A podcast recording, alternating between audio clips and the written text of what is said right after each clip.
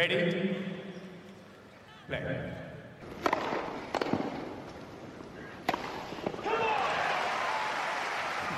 Merhabalar, Raket Servisi hoş geldiniz. Ben Gökalp.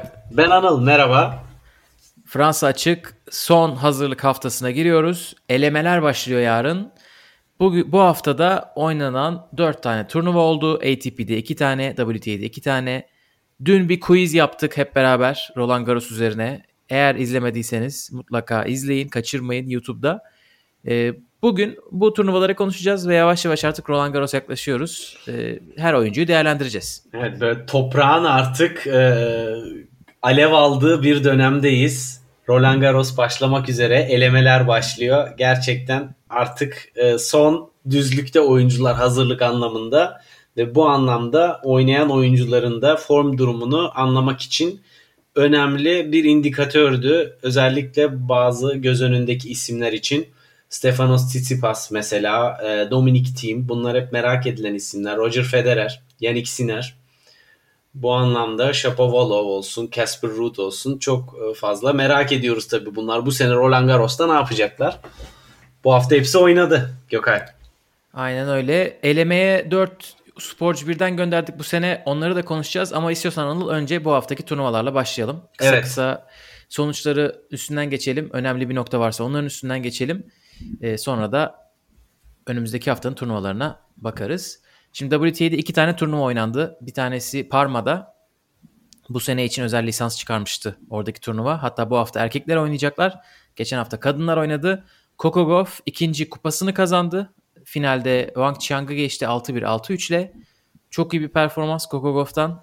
Yarı finalde Sinyakova'yı geçti. Çeyrekte Anisimova, ikinci turda Camila Giorgi, ilk turda da Kanepi. Aslında e, gayet zorlu bir kura böyle sıralamalarına Tabii bakınca ki. çok etkileyici gibi gözükmüyor ama arka arkaya çok iyi 5 galibiyet. Ve hepsi de toprakçı. Sinyakova da Serena'yı yenip geldi sonuçta yarı finale. Ee, o açıdan yani Koko'yu biz 3 haftadır filan övüyoruz herhalde Gökay. Hani sonuçta o açıdan kupa gelmesi tesadüfi değil. Hani istikrarla gelen bir şey.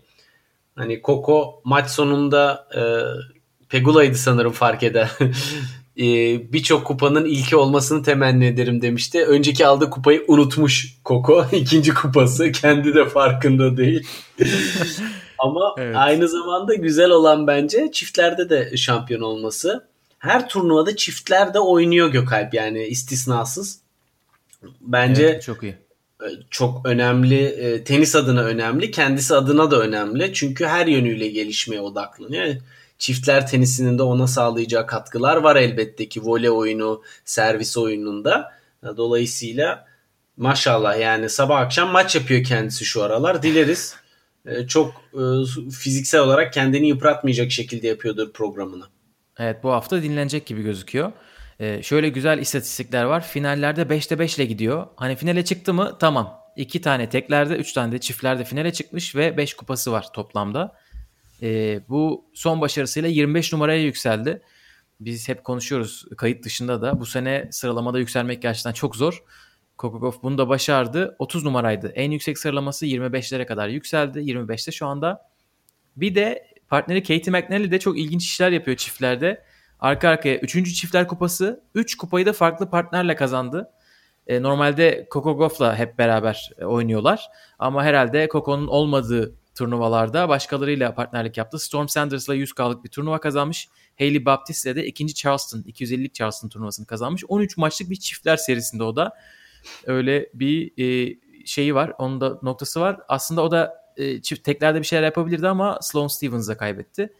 Gözümüz onda da olacak. Evet Katie McNeil de çok genç. Hani tabii ki Coco kadar genç değil hiçbirisi. Ama Katie McNeil de ya 19 ya 20 yaşında yanlış bilmiyorsam. Ee, dolayısıyla onun da önünde daha uzun bir kariyer var. Ve o da Amerika'nın e, parlayan tenisçilerinden bir tanesi. Hani Amerika diyoruz, e, parlayan genç tenisçi diyoruz. Bunların hepsi kadınlarda. Erkeklerde gerçekten Amerika herhalde tarihin en kötü dönemini yaşıyor. Dolayısıyla kadınlarda gelen bu başarılar onların da yüzlerini epey güldürüyordur. Yani hem Anisimova e, toprakta iyi sonuçlar alıyor. Tabii onun da çeşitli dönemsel sıkıntıları oldu. Babasını kaybetti vesaire. E, Gauff, Katie McNally ondan sonra Ee, başka Katie McNeil vardı yanlış hatırlamıyorsam. Coco Van da Wey.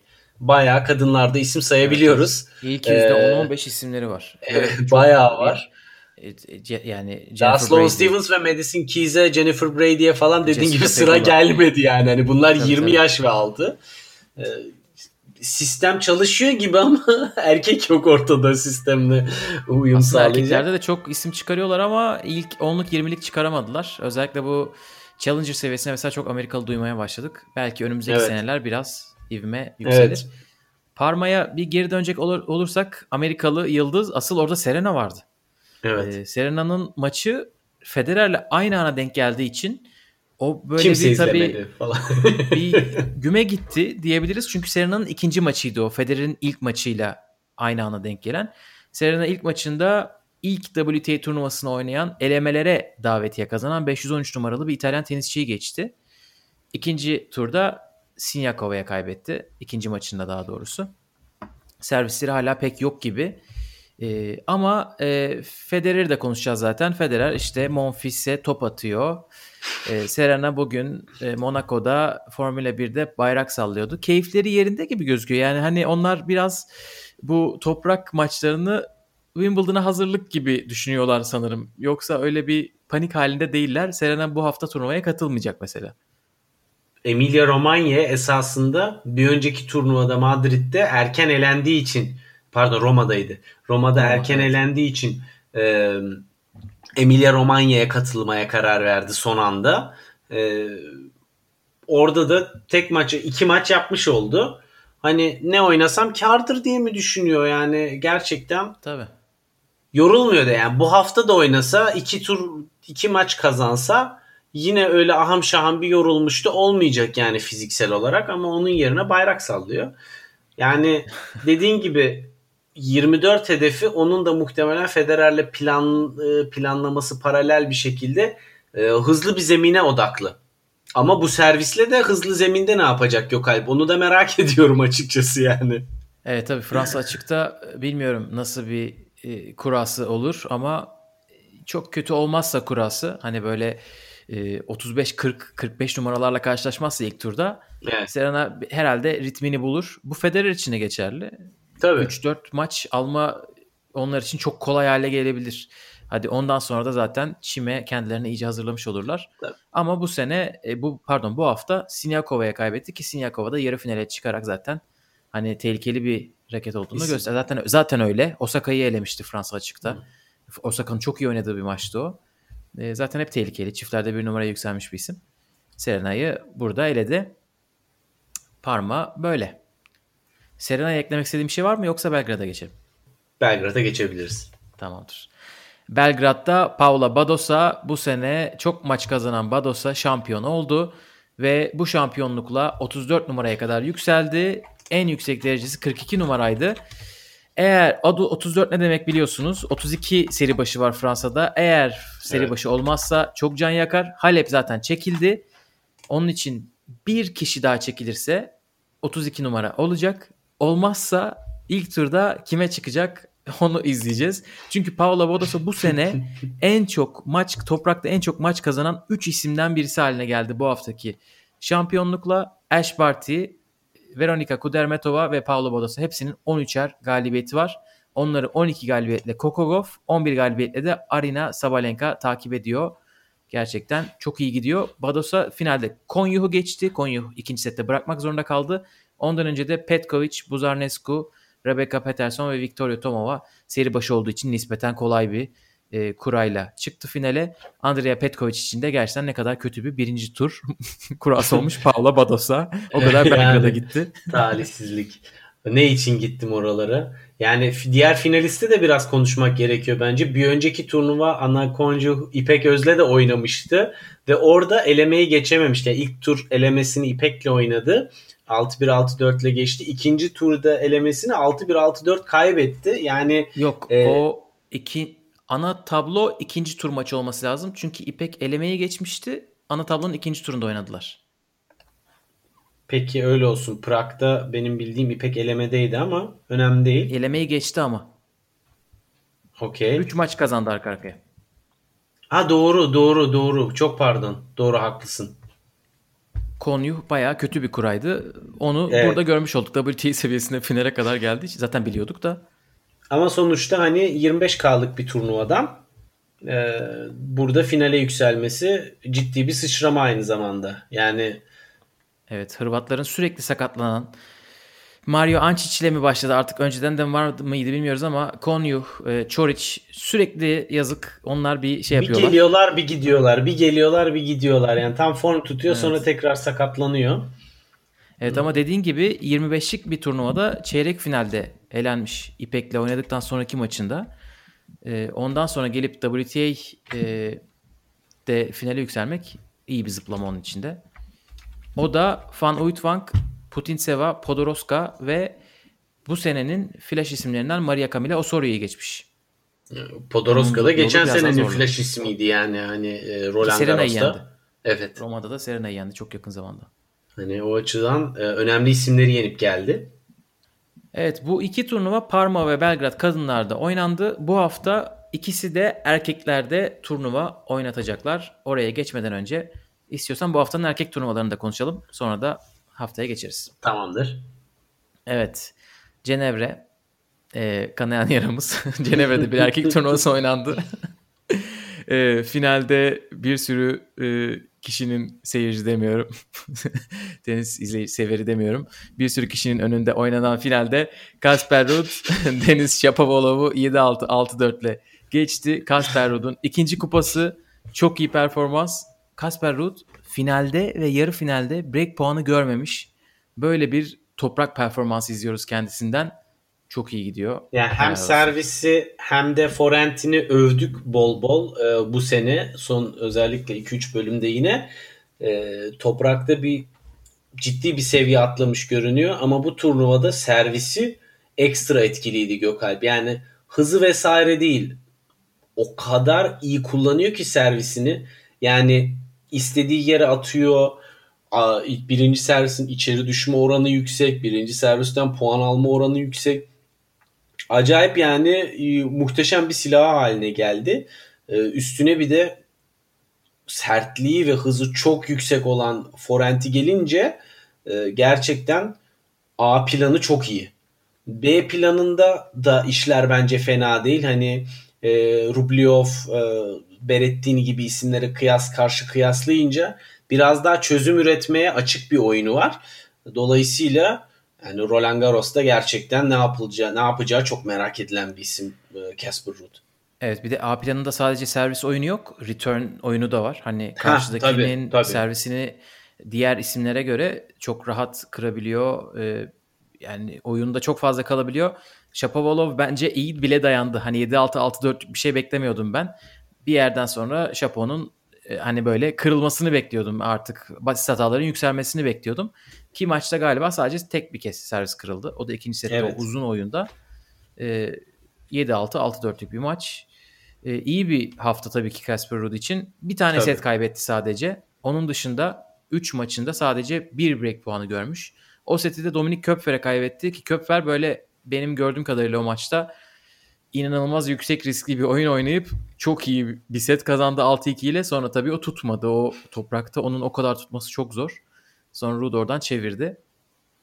Ama e, Çin maçı gibiydi ya final maçı bir ara. Bir de hava sıcaktı tabii final maçın oynandığı gün. Servis oyunları ortalama 2 dakika falan sürüyordu. 2-3 dakika sürüyordu. Çok yaşa. Hep beraber. Çok hızlı ilerledi maç.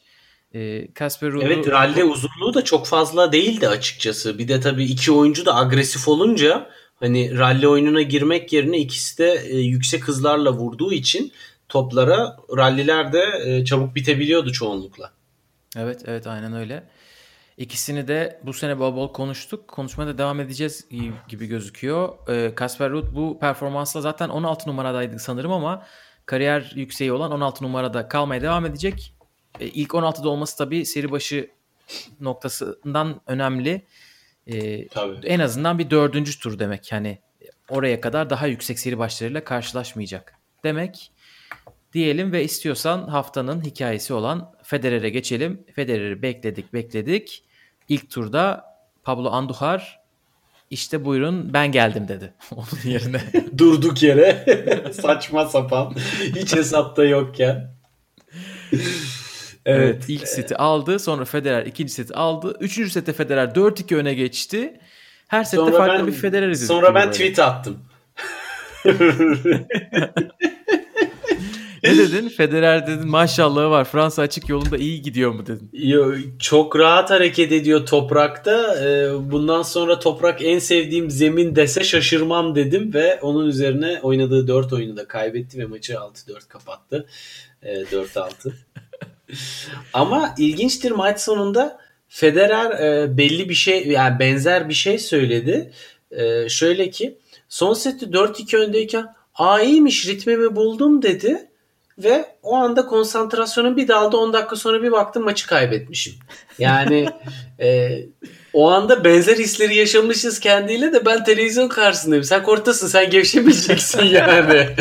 Abi sen kapatacaksın o maçı sen gevşemeyeceksin. E, o zaman şey diyebilir miyiz? Yani harekette, teknikte, onda bunda çok bir sıkıntı yok. Bu gerçekten maç eksiğinden kaynaklanan psikolojik bir ısınma gerektiriyor gibi mi acaba? Şimdi Gökhan hani e, samimi konuşalım. Ben Federer'i çok severim.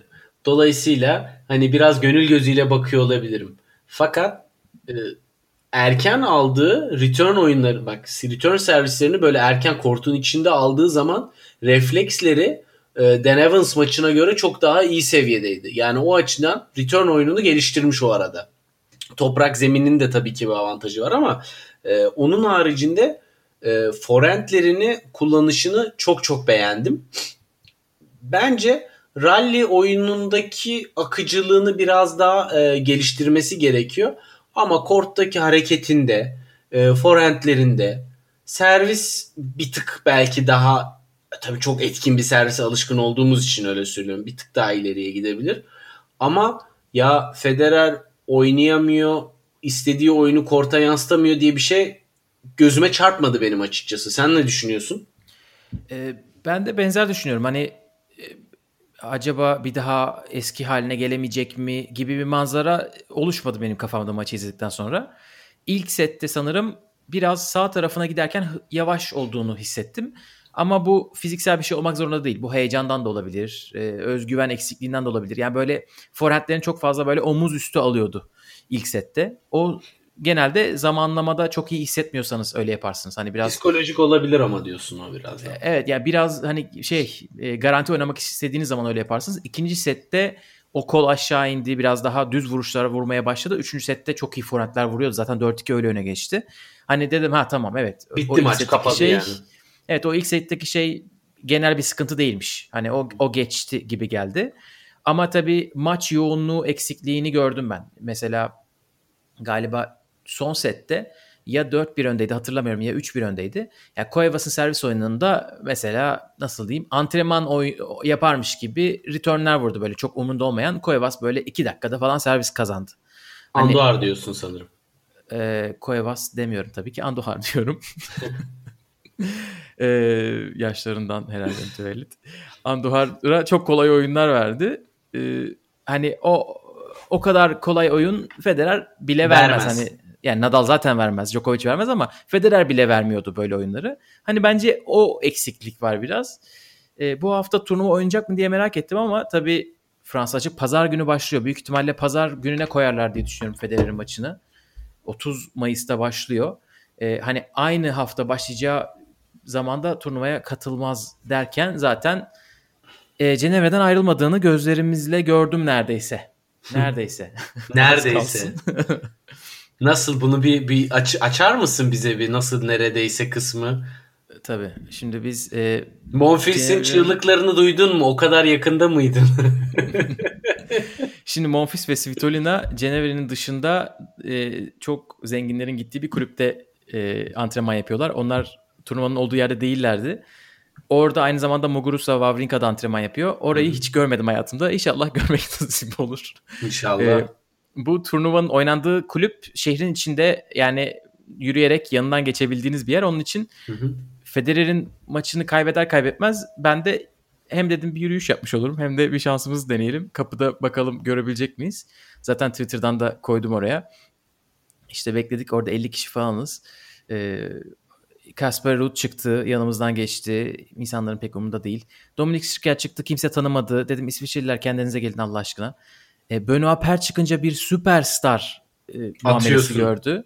E, ben bu adamın frankofon ülkelerde, şehirlerde gerçekten çok büyük bir yıldız etkisi olduğunu düşünüyorum. Böyle 20 kişi falan fotoğraf çektirmeye gitmiştir Federer'i bırakıp. Benoît Per'e. Evet ve Benoît Per o gün iki maç birden kaybetmişti galiba ya da ikinci maçını kaybetmişti teklerden sonra çiftlerde. Ee, çok sakindi herkesle teker teker fotoğraf çekildi, muhabbet etti ve Cenevre'de oturuyormuş çünkü kendi arabasına binip gitti. Öyle fark ettim ben de. Ee, yani böyle bir insan çıktı Benoît Per. Dedim nargileye mi gidiyor acaba? Keyfi çok yerinde gözüküyor. Yakışır, şaşırtmaz. Sonra Federer e, acaba zaten burada insanların arasından nasıl geçecek bu Covid durumunda derken Federer başka bir arabasını park etmiş. Don diye yanımızdan bir araba. Bir baktık el sallıyor içinde Uniqlo'lu birisi. Kendisi arabayı kullanıyordu. Ben böyle şeyler hala şaşırıyorum. E, ondan sonra da önümüzden geçtiler iki araba halinde. Ertesi gün tekrar gittim. Dedim Buradan geçer daha. yine. bir şans daha. Hem de bir yürüyüş yapmış olurum. Ee, bu sefer Arthur Kazo'yu gördük. Dedim artık bu sefer bir fotoğraf isteyeyim en azından. Ee, ne belli olmaz. Biliyorsunuz Fransız oyuncu Twinner attı falan. Bir tabii, tur tabii. maç aldı. Mandarina'yı geçti. ee, o gün de göremedik derken üçüncü gün Federer'in e, arabasını arabasını görmemek imkansız. Tank gibi bir arabası var çünkü. E, bir de plakadan Mercedes da anlaşılıyor. değil mi şu eski e, askeri tipli arabalardan? Aynen böyle zırhlı araç gibi bir safari arabası gibi bir araba. E, bu sefer gittim yanlarına baktım. Federer herhalde kaçırmışım ama işte dün quiz'e söylediğim gibi küçük ikizleri gördüm. E, Valla keyifleri yerinde büyümüş keratalar. Herhalde onun için Federer de Cenevre'de kalmıştı. Ki derken zaten Monfils'le olan videosu çıktı. Buralarda takılmış. Keyfi yerinde galiba. Nazar değmesin ne diyelim yani. Evet o da zaten söyledi. Ben Roland Garros'u kazanmayı zaten düşünmüyordum. Düşünen varsa onun alnını karıştırırım gibi bir şey söylemiş sanırım. hani hede- ana hedefim Wimbledon der gibi. Evet e, o galiba 8 numara girecek değil mi turnuvaya? Görünen o şu an. Şu an 8 e, dolayısıyla e, 4. tura kadar rahat ilerleme şansı var. Kuraya bağlı. Gökalp ben bu sene şunu inanıyorum. Bu seri başı olmanın çok da eskisi kadar bir avantajı yok. Çünkü e, puanlama sisteminin e, pandemiden dolayı böyle iki seneye yayılmasıyla beraber e, seri başı olmayan veya işte e, seri, e, ilk 16'da olan ama çok üst düzey isimler var. Dolayısıyla böyle es kaza alakasız e, bir yerden böyle ters köşe çok performansı o sırada yüksek olan bir rakipte denk gelebilir yani. Kura çok e, şey yani serseri mayın gibi bence bu sene. Evet mesela e, Lyon'a da geçebiliriz yavaş yavaş. Cam Nori diyeceğim çünkü Cam Nori ilk 32'de olmayacak ama çok iyi bir toprak sezonu geçiriyor. Belki Lyon'a geçmeden önce bir Dominik konuşalım. Evet. Davetiye ile Cenevre'ye katıldı. Biz Dominik Stricker'in adını e, siz de duymuşsunuzdur burada konuştuk. Çünkü Cem İlker'le St. Petersburg'da maç yapmışlardı. Cem onu geçmişti.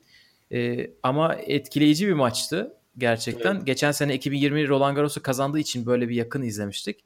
Sonra Altuğ'la görüştüğümüz Lugano'da o turnuvada zaten şampiyon oldu Dominik Striker. Çok iyi oynamıştı orada. Ve şu hani an sen... 334'e kadar çıktı Gökalp yani. Adam bir davetiye iki challenger oynayarak 334'e çıktı. Çok hızlı ilerliyor. De pandemiye evet. rağmen. Evet sadece 3 tane challenger ve üstü seviye e, katılımı var. Burada Marin Cilic'i geçti. Arkasından Marton Fucovic'i geçti. İkisi de iki sette Pablo Andujar'a karşı da ilk seti aldı diye hatırlıyorum. Andujar'ı da neredeyse geçiyordu. Evet. Üçüncü sette durum 4-4'tü hatırladığım kadarıyla. Andujar orada son e, iki Düzlükte. oyunu alarak aynen ikinci İsviçreli'yi de geçti. O bütün dedi turnuvaya alın dedi. Sadece sponsorları alıyorsanız içeri seyircileri almıyorsanız ben dedi bütün İsviçreleri yenerim dedi. Gökalp Andoğar seni mutlu etti diyebilir miyiz yani? Andoğar beni çok mutlu etti. Yanımdan geçti hatta böyle ölüm sessizliği bütün insanlarda. Çünkü Andoğar'ı tanıyorlar. Herkes tanıyor. Herkes izlemiş oradaki. Ben bravo Pablo dedim. Teşekkürler dedi o da. bir foto çektirseydin orada. We love you falan diye oradaki tek hayranı gibi sonra. bir baktın ertesi gün oturum izni iptal. Allah Allah neden acaba? Herkes Federer'i bekliyor. Ben seni bekliyordum.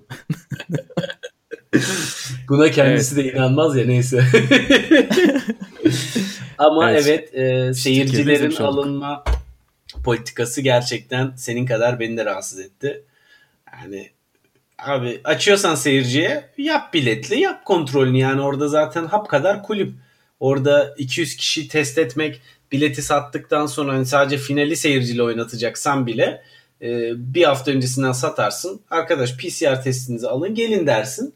Ve hakikaten onu izlemek isteyenler olur orada yani 79 yaşında Robert De Niro ile işte yaş ortalaması uygun isimleri getirip oraya İsviçre reklamını e, iyice perçinlemezsin. Zaten pazarlama politikası ülkelerine dedeleri çağırmak üzerine olan İsviçre turnuvada da dedelere oynattı yani. Hani böyle saçma. Bence tenis seyircisi bu değil. Olmamalı evet, yani. Tenis seyircisi olan ve çok da güzel olan turnuva olan Lyon'a geçiyoruz efendim. Güzel bağladın. güzel bağladın.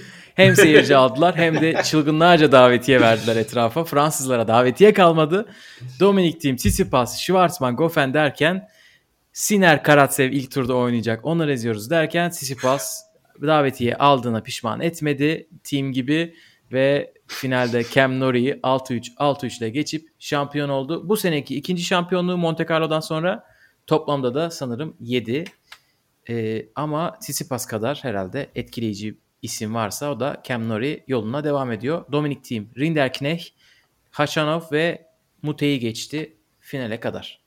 Evet bir de e, hani Rinderknecht deyip geçmemek lazım. Arada Siner'i de yendi ve Rinderknecht Challenger seviyesinde de istikrarlı bir şekilde iyi tenis oynamaya devam ediyor özellikle toprakta. Dolayısıyla o da arada herkesin çok göz önünde olmayan bir isim ama e, hafife alınacak bir isim değil kesinlikle. Evet, Sert bir kuraldan, aldı Fransa açığa. Aha, evet evet doğru söylüyorsun. Yani dolayısıyla Tsitsipas açıkçası Nadal ve Djokovic'in ardından şu anda çok bariz bir şekilde turnuvanın 3 numaralı favorisi. Ee, ve bunu oynadığı her maçta da gösteriyor. Hiçbir turnuvayı hafife almazlık yapıp yapmıyor. Hani esasında o team'in deli gibi maç oynayıp her turnuvada bütün gücüyle oynadığı dönemdeki gibi oynuyor. Ama tabii toprak e, biraz daha farklı bir zemin. Bakalım burada bu dinamikler Tsitsipas'a nasıl dönecek? Evet burada iki tane iyi toprakçıyı geçti aslında. E, toprakçı demeyeyim ama Tommy Paul'un toprakta iyi başarıları var. E, ilk turda Songa'yı yenmişti Tommy Paul. Eski Roland Garros Junior şampiyonu. Bir de Muzetti. E, çok tehlikeli isim tabii. İlk, ilk seti Muzetti aldı. Ondan sonra 6-3 6-0'la Tsitsipas kapamış. Sadece 3 oyun vermiş e, yarı finalde. Bir de Nishioka'yı yendi. Nishioka da toprakçı olmasa da e, tehlikeli bir isim tabii Solak. E, gayet tehlikeli bir isim. Evet yani e, Tsitsipas finalde de özellikle soğukkanlılığını çok net bir şekilde e, korudu. E, ilk setini kaybettiği maçı aldı. Hani bu Tsitsipas'ın ilk böyle e, tekrardan e, ist, o, kendi özgüvenini kazandığını konuştuğumuz dönemi hatırlıyor musun Gökalp? Bundan yaklaşık iki sene önce. Böyle birkaç maçta ilk seti kaybedip böyle kaybedecek bir şey yok olmadığı bir e, döneminde maçın e, normal rahatça psikolojik olarak rahat oyununu oynamaya başlayıp çok maç çevirmişliği oluyordu ve e, bu onda bir alışkanlık haline gelmiş bence. Yani hani Zverev'in de iyi özelliklerinden birisi bu. Geriye düştüğü maçlarda maçı bırakmıyor. Tsitsipas da bunu çok iyi bir şekilde öğrenmiş. Hani 31 maç en son baktığımda bir, birinci seti kaybedip kazanmıştı. E, bu da bence önemli bir istatistik. 2018'den beri turda aktif olduğunu düşünürsek 3 senede e, 31 maçta bunu başarmış olması geriden gelerek ki bunların arasında Rafa Nadal gibi isimler de var yani 2-0'dan geri gelip 3-2 çevirdiği Federer de var. Federer de var. aynı şekilde. Hani dolayısıyla e, bunların hepsi Tsitsipas'ın hanesine Roland Garros öncesi çok olumlu yansıyor bence. Bayağı soğukkanlı, özgüvenli ve ne yaptığını biliyor e, bu turnuvalar artık onun için esasında biraz ısınma maçları gibi olup kupa topladığı turnuvalar yani. O açıdan evet. ciddi bir seviye yani. yani. Evet bu sene toprakta 16 maç kazandı Tsitsipas ve 3 maç kaybetti. Kaybettiği maçlar efsane Djokovic ve Nadal maçları Barcelona ve Roma'daki Evet. bir de Kasper Ruud'a kaybettiği bir maç var Madrid'de. E, ondan fazla toprak maçı kazanan tek bir isim var sadece. Elemeleri saymazsak. Albert Ramos 17 maçta bir numarada bu sene. Sonra Tsitsipas geliyor 16. Sonra Kasper Ruud 15. Sonra Nadal, Delbonis ve Nori 14 maçla e, en yukarıdalar toprak listesinde. Bu isimlere tabii zaten en azından bir Delbonis Nori de burada biz de varız bakın bu sene biz çok kazandık diyorlar gerçekten. Evet ama tabii o, özellikle Delbonis'in kazandığı seviye bir bakalım yani Roland Garros'ta e, sıralamasından dolayı da ikinci turda kötü bir kurayla hemen çat diye e, gidebiliyor bu tarz isimleri. Özellikle Christian Garin benim aklıma gelen ilk isim. Toprakta 250 ve 500 seviyesinde güzel sonuçlar alıp Roland Garros'ta erkenden veda eden isimlerden oluyor da genelde. Çünkü toprak haricinde çok puan toplayamadığı için genel sıralaması da bir o kadar e, etkileniyordu tabii ondan. Ama güzel yani bu sene toprakta hevesli ve formda isim sayısının çok olması Nadal düşünsün. Djokovic düşünsün. Hani biz düşünmeyelim. Biz keyfimize bakalım. Değil mi? Yok ya tabii Nadal düşünsünlük isimler mi? Gerçi Tsitsipas, Ruud biraz sıkıntı çıkarabilir ama Evet. e, bir set düşünüyorum hani sıkıntı olarak. Bakalım onları göreceğiz. Kuraya göre konuşacağız. E, bu isimler kadar başarılı olmayan hala beklediğimiz sadece iki maç kazanan toprakta bir isim var. Diego Schwartzman. 7 maç yapmış bu sene ve ikisini kazanabilmiş toprakta. E, Diego Schwartzman aranıyor ya da yanlış mı baktım acaba diye düşünüyorum. Çünkü bir aslında kupası da vardı. E, bir Schwartzman var tam böyle bulamayan kendisini. Bir de Dominic Thiem. Dominic Thiem Lyon'da da ilk turda Cam Norrie'ye kaybetti. E, maçı görebildin mi bilmiyorum ama e, ya böyle e, artıracak vitesi yok gibiydi. Biraz sıkıntı vardı yani. E, bu arada Schwartzman'ın son 7 maçının 2-5 olduğunu söyleyeyim. Tabii çünkü 2-4 olduğunu söyleyeyim. Çünkü o e, Buenos Aires'teki kupası var senenin Evet. başında. Onun dışında son oynadığı 4 maçı kaybetti. Lyon'da, Roma'da, Madrid'de ve Barcelona'da. O e, kendi evinde kazandığı kupanın üzerinden tabii ki mevsimler geçti. Dolayısıyla e, yani Elpeke geçen senenin e, Nadal Slayer'ı bu sene biraz kayıplarda. Dolayısıyla ne yapacağını ben de merak ediyorum. Çünkü toprakta yani zemini toprak ve en önemli e, tehlike yaratacağı yer burası. Ama böyle çok örnekte oluyor geçmişte Gökalp. Yani e, Roland Garros'a kadar hiçbir şey yapmayıp orada bir anda vites yükselten isimleri çok çok gördük. Dolayısıyla hani bir şey söylemek için de bence Evet. zor. Evet Avrupa'daki toprak turnuvalarında 2 galibiyeti var ama tabii Buenos Aires ve Cordoba'yı katınca da toplamda 7 galibiyet 6 mağlubiyetle girecek bu sene Roland Garros'a. Çünkü bu hafta oynamıyor bir turnuva diye. Evet görüyorum evet bu hafta oynamıyor. Dominic Thiem biraz değişik bir hikaye tabii. Büyük ara vermişti. E, Monte Carlo'yu pas geçti. Madrid'e geldi. Roma'ya geldi. İşte Madrid'de Zverev'e kayıp. Roma'da Sonego'ya kayıp. Burada o kadar bir maç olmadı açıkçası. İlk turda Cam Norrie'ye kaybettiğinde Cam Norrie sildi süpürdü neredeyse team'i. Öyle diyebiliriz. Acaba ne durumdadır, ne düşünüyordur? Merak ediyorum. Yani çok açık diyorsun ya sen Tsitsipas çok net üçüncü. Team dördüncü bile olmayabilir yani şu anda. Ki kendisini Yani. ikiye bile yazıyorduk bazen. Zverev daha formda ya. Hani bu bence bir tehlike çanıdır e, Dominic Thiem adına. Aynen öyle. Evet onu ta- takip edeceğiz tabii bakalım neler yapacak. Bu hafta oynamayacağını düşünüyoruz. Çünkü evet wildcard almadı bir yerden. Ee, Lyon'a dair bir haber. Monfils maç kazandı. Uğurlar olsun. Gerçekten. çok- O yüzden neşesi yerinde. Sonrasındaki kaza da moralini bozamadı. o yüzden herhalde. Aynen öyle. Ee, istiyorsan yavaştan bu haftaya geçelim. Bir iki tane Challenger şampiyonluğu konuşalım. Söyleyelim daha doğrusu. Oeras'ta Carlos Alcaraz ka- kazandı. Ee, gitti orada bir Challenger oynadı. ATP'den sonra herhalde kolay geldi arkadaşa. Çat kazanmış Oeras'ı. Biella'da da Thanasi Kokinakis şampiyon oldu. Roma'da zaten sinyallerini veriyordu. Yarı finale yüksel çeyrek finale yükselmişti. Biella'da da kazanmış. Kokinakis. Bu Abi isimlere elemelerde dikkat. kesinlikle e, Kokinakis zaten hani sakatlığı olmasa uzun süre önce parlaması beklenen bir isimdi. Alcaraz hani zaten artık e, çok da detay vermeye gerek yok. Hani bu isimler Challenger'da ısınıyorlar, maç pratiği kazanıyorlar, özgüven kazanıyorlar. Hani bunlar önemli şeyler sonuçta. Evet bu iki isim de Roland Garros elemelerinde oynayacaklar. Hatta Kokinaki seri başı bile değil. Onların rakiplerine kolaylıklar diliyoruz. Evet bu hafta ATP'de Parma, Belgrad turnuvaları var. WTA'de bir tane turnuva var. Strasbourg. Parma'ya şöyle bir seri başı ekibi katılıyor. Sonego, Per, Albert Ramos, Struff, Gasquet, Tommy Paul, Bedene ve Nishioka. Böyle Güzel bir ekip var Parma'nın. Evet, Sonego gayet... oradan kupayla dönerse sürpriz olmaz. Güzel gayet olur onun adına da. İtalya'da kazanmayı seviyor.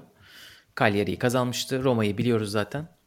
Belgrad'da Belgrad'da işler değişik. Belgrad'da Djokovic, Monfils, Vasilashvili, Manarino, Lajovic, Kesmanovic, Delbonis.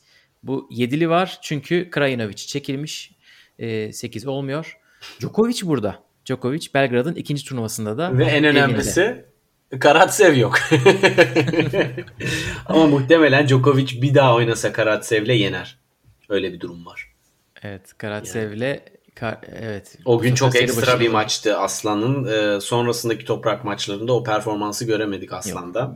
Djokovic'i Belgrad'dan Belgrad'da yendikten sonra bir daha Belgrad turnuvasına katılmazsınız. Bu yani zirvede bırakırsın kuraldır. yani. Evet. Ve bu yazılmamış şimdi, bir kuraldır. Şimdi İsviçreliler gibi çok da e, hani soğukkanlı değil e, Sırp halkı yani orada başka sıkıntılar da baş gösterebilir yani. Gerçi Aslan da Rus hani onda e, atar atar gidere gider yapabilir yani her türlü de. Olabilir. WTA Strasbourg'da şöyle bir sekizli var. Bir numara Andrescu. Bianca Andrescu adını unutmuş muydunuz? Ee, unutmayın. Toprakta oynayacak yine deneyecek. Önce ya sakatlandı. Sonra Covid oldu. Yani Andrescu'nun başına ne gelebilirse geliyor ama hala ısrarla e, direniyor. Bence büyük bir e, başarı. Yani bu kadar şeye rağmen yılmamak çok önemli.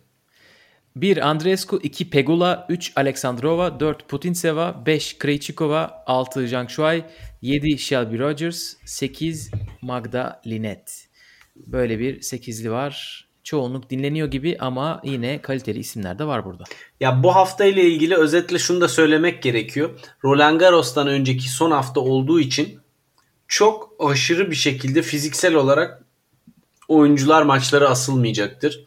Hani dolayısıyla buradaki sürpriz sonuçlar, mağlubiyetler, galibiyetler e, olası. Bunlar hep e, her sene görülen şeyler. E, evet.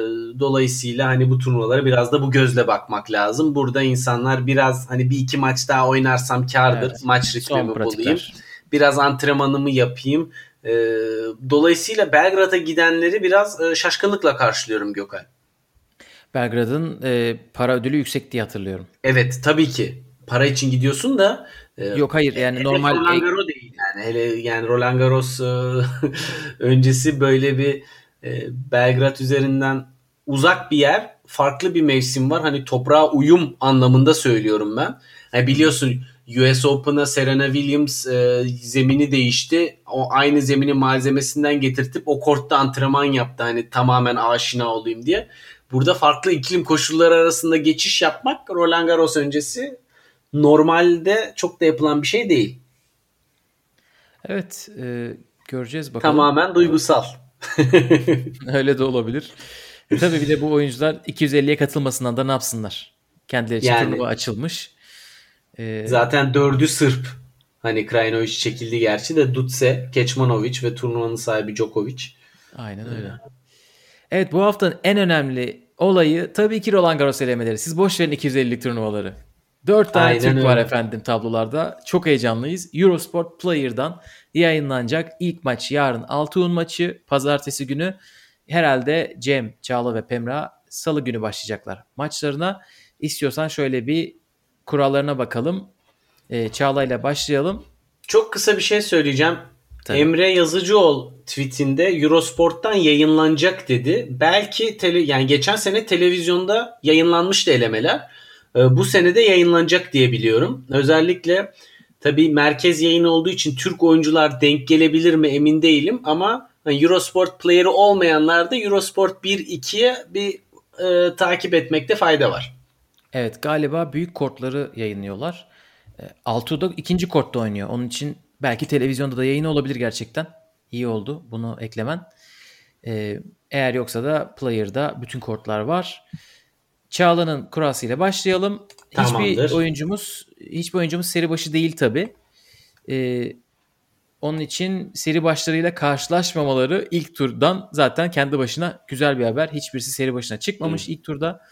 Çağla'nın birinci maçı Jia Jing Lu ile kendisi toprakta bu sene 4 maç oynayıp 4'ünü de kaybetmiş. Çok iyi. Toplamda 16 maç oynayıp 5 maç kazanmış. Ee, daha çok herhalde sert kort oyuncusu.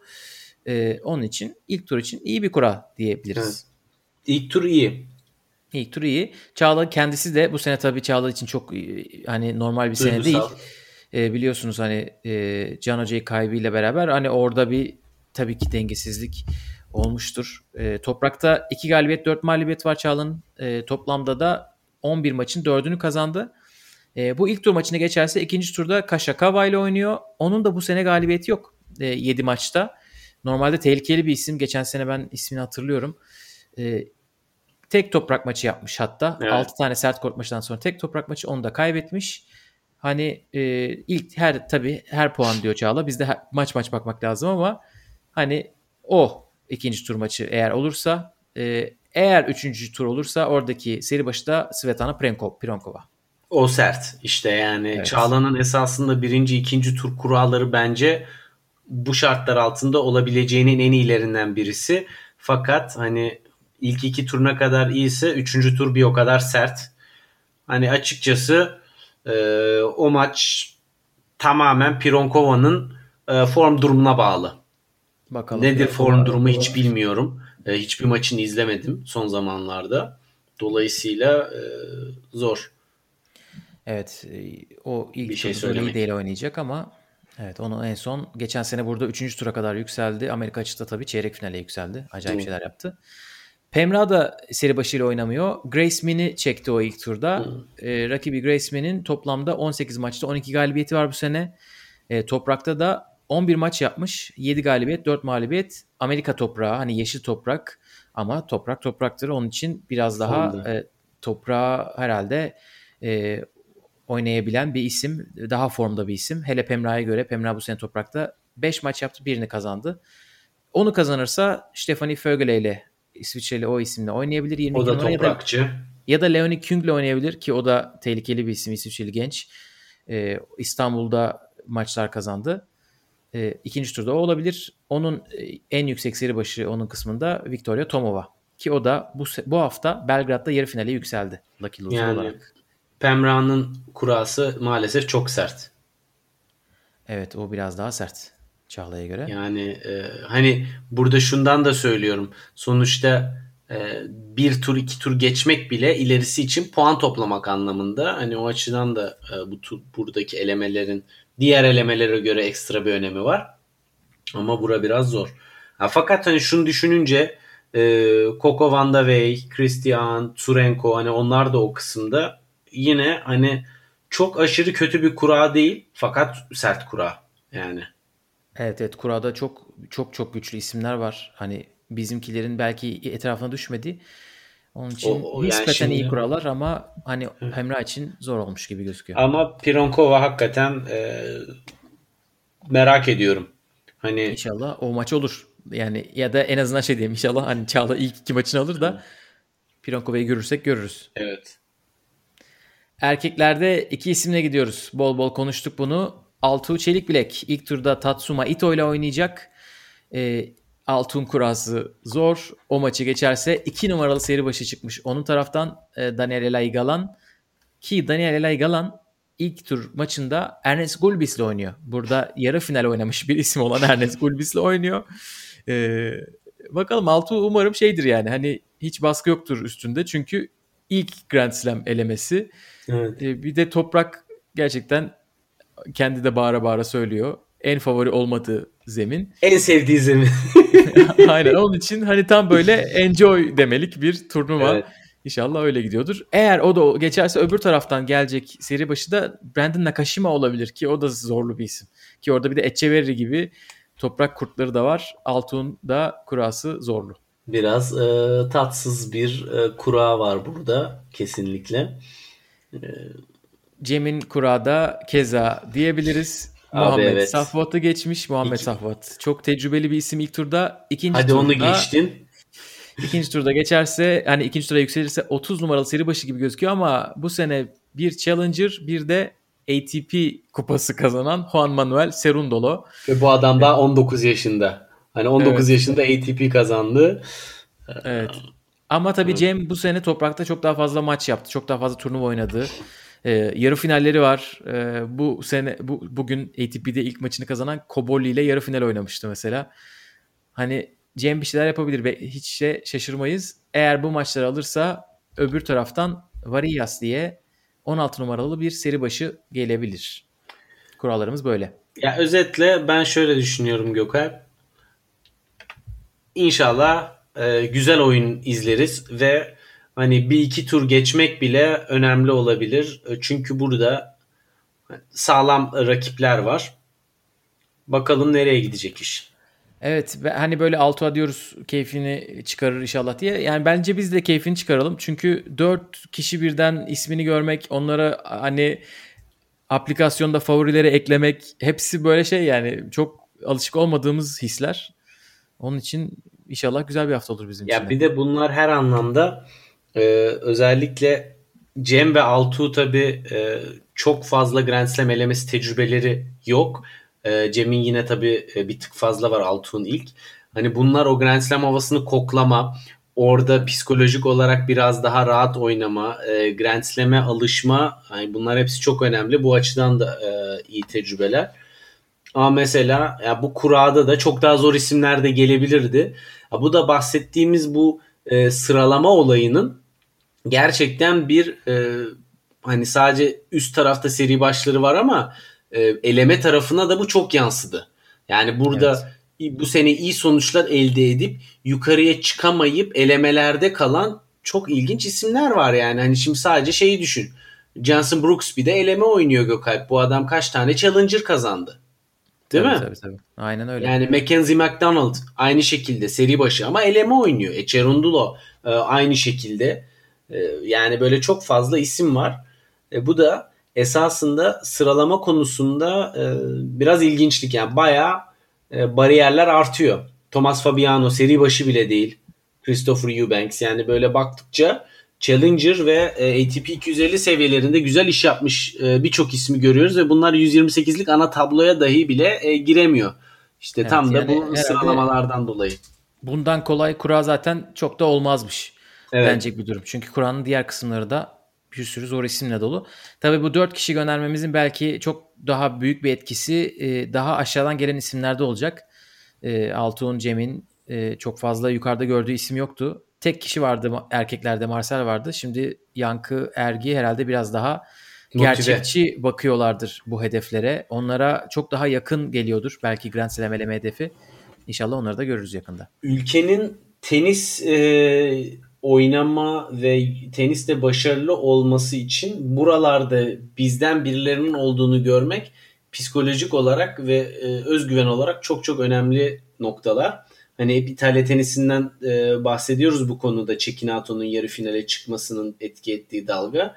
Hani burada tabii biz o seviyede değiliz ama burada 4, 5, 6 ismin aynı anda oraya gitmesi, beraber e, orada vakit geçirmesi bile onlara psikolojik olarak çok büyük avantaj. Ki Altun Altuğ orada Tobias Kampke ile antrenman yaptı. O da elemelerde oynuyor ki o çok tecrübeli bir isim Alman. Ee, hani mesela onunla vakit geçirmesi vesaire e, bunların hepsi çok önemli tecrübeler. Çünkü işin mental tarafını burada ve bu isimlerden alabiliyorsun o havayı koklayarak. Aynen öyle.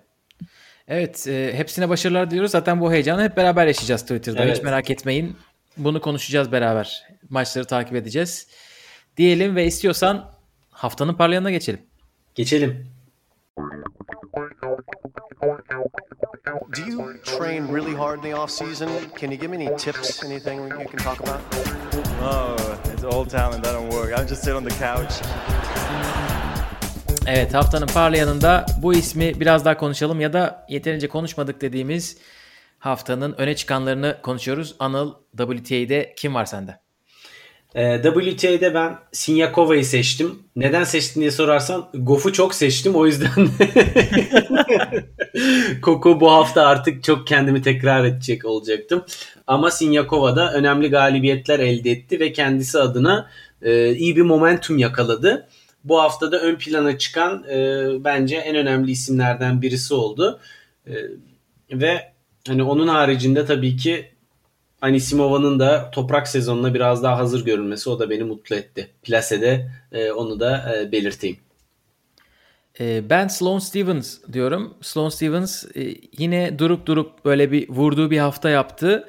E, bu sene Charleston'da böyle hiç kimse beklemiyorken çeyrek final oynamıştı. Burada da yarı finale yükseldi ve yendiği isimler arka arkaya Katie McNally, Kasatkina ve Sara Errani.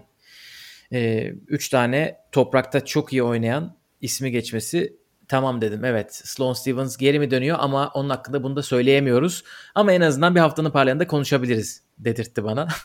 yani bundan birkaç hafta önce yine hatta bir buçuk iki ay falan da olmuş olabilir. Yine böyle bir arası vardı. Birkaç maç kazandı üst üste. Stevens. Aynen Charleston'da bir evet. çeyrek yaptı sonra bir kayboldu. şimdi Orada da bir parlatmıştık. Bakalım şimdi biz parlattık diye tekrardan. Orası Amerika'ydı bakalım burası Avrupa bu sefer de öyle diyelim. bakalım işler olacak mı? Erkeklerde kim var? Erkeklerde bu hafta artık hakkını vereyim dedim. E, Şapo'yu söylüyorum. E, çünkü Şapo'nun benim gözümdeki en büyük sıkıntısı basit hata sayısı. E, agresif oyununda basit hata sayısının winner olan oranının e, onun kariyerindeki en büyük etken olacağını düşünüyorum. Ve bunda adım adım olumlu bir yöne gidiyor.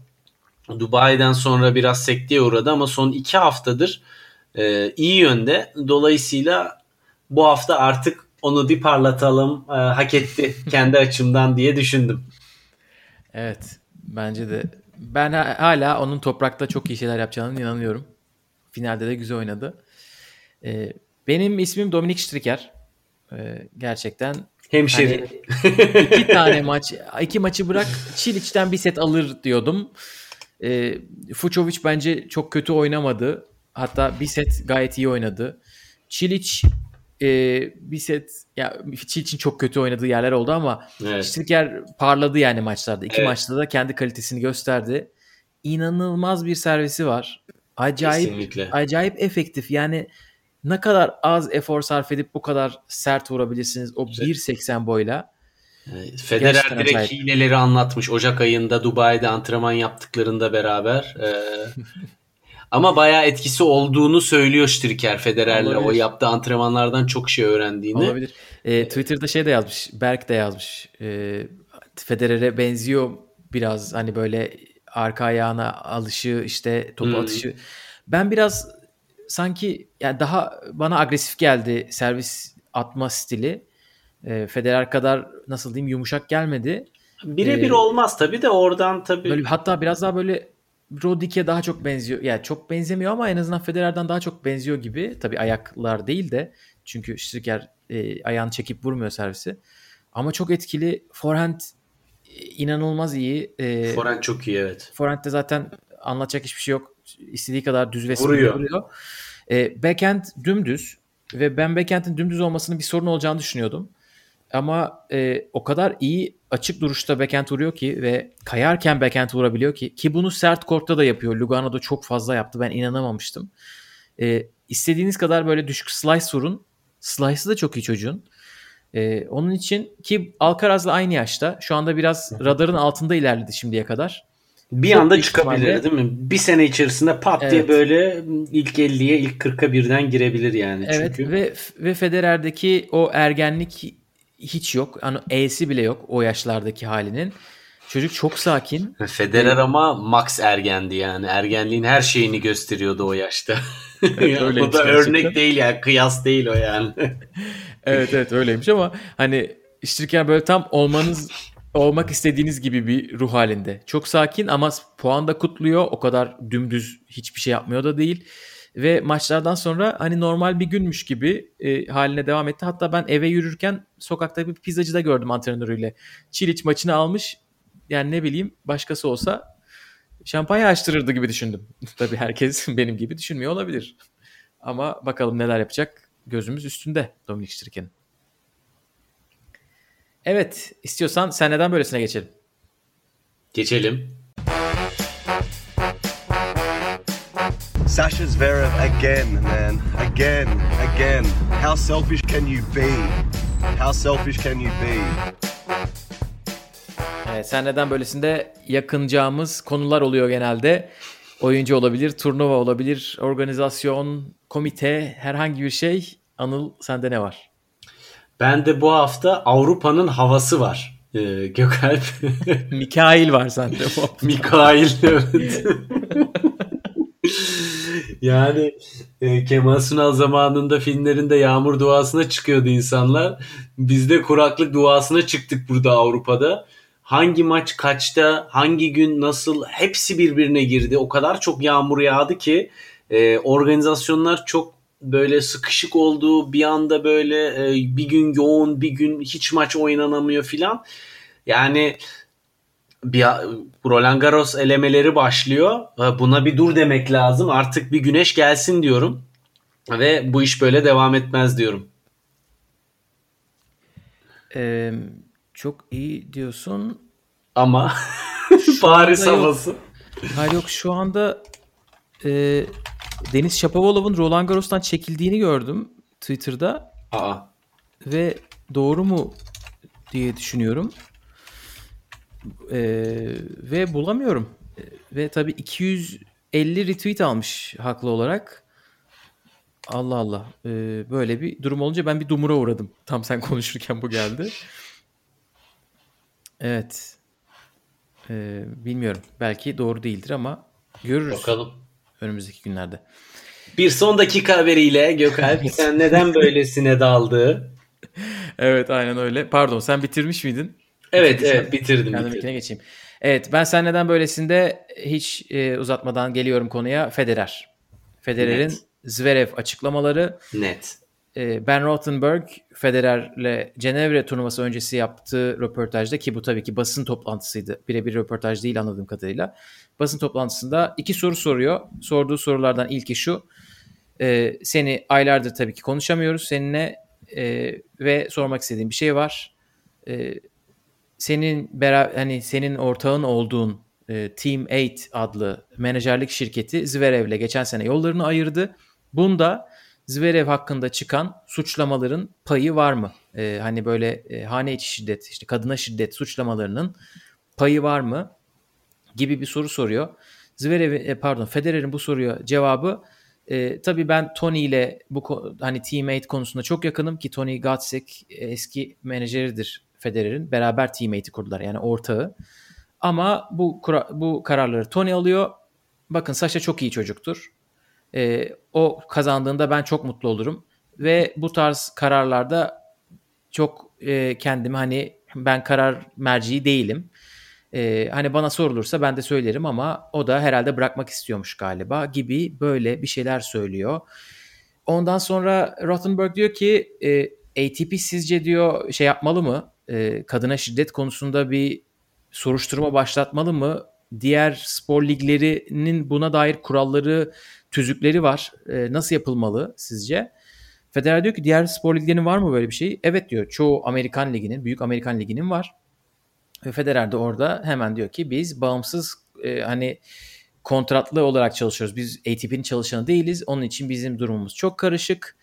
E, bir de çok talihsiz bir şekilde diyor ki e, bu diyor e, özel hayat gibi bir şey diyor orada. It's private stuff diyor sanırım. That, ha, önceki soruya cevap verirken that super private stuff that I really don't want to comment diyor. Yani bunlar çok özel şeyler yorum yapmak istemeyeceğim diyor. Ve de hani anlıyorum bununla alakalı bir şey yazmak istiyorsun ama ne yapayım bununla alakalı ben bir şey söylemek istemiyorum derken zaten söyleyeceğini söyledi Federer. Burada 2-3 tane çok kötü şey var benim için. Ee, bir tanesi yani Zverev'in ne kadar iyi bir insan olduğunu söylemek için bu anı mı seçti? Keşke başka bir soruda olsa söyleseymiş ya da ya Zverev'i korumaya ne gerek var? Zverev kendini koruyacak yaşta ve e, güce sahip. Bir tanesi bu iş tabii ki özel hayat değil. Bu bir suç. Hani eğer bu tabii ki bilmiyoruz gerçek mi değil mi ama Mahkeme Ee, süreci var sonuçta yani hani. Zverev'in olmasa da mahkemeye verse Sharipova mahkeme sürecine girebilecek bir işten bahsediyoruz. Onun için Evet. bu özel hayat değil. E, üçüncüsü de bu zamana kadar ben Federer'in çok daha iyi bir cevap formüle etmiş olmasını beklerdim. Çünkü bu olay olalı herhalde bir 7-8 ay oluyor. Bu kadar böyle hazırlıksız yakalanması beni çok şaşırttı Federer'in. Çünkü çok iyi hazırlanır normalde böyle şeylere. Hiç güzel cevap vermese bile en azından hazırlığını yapmış olur. Ben hiçbir şey söylemeyeceğim e, bile diyebilir böyle.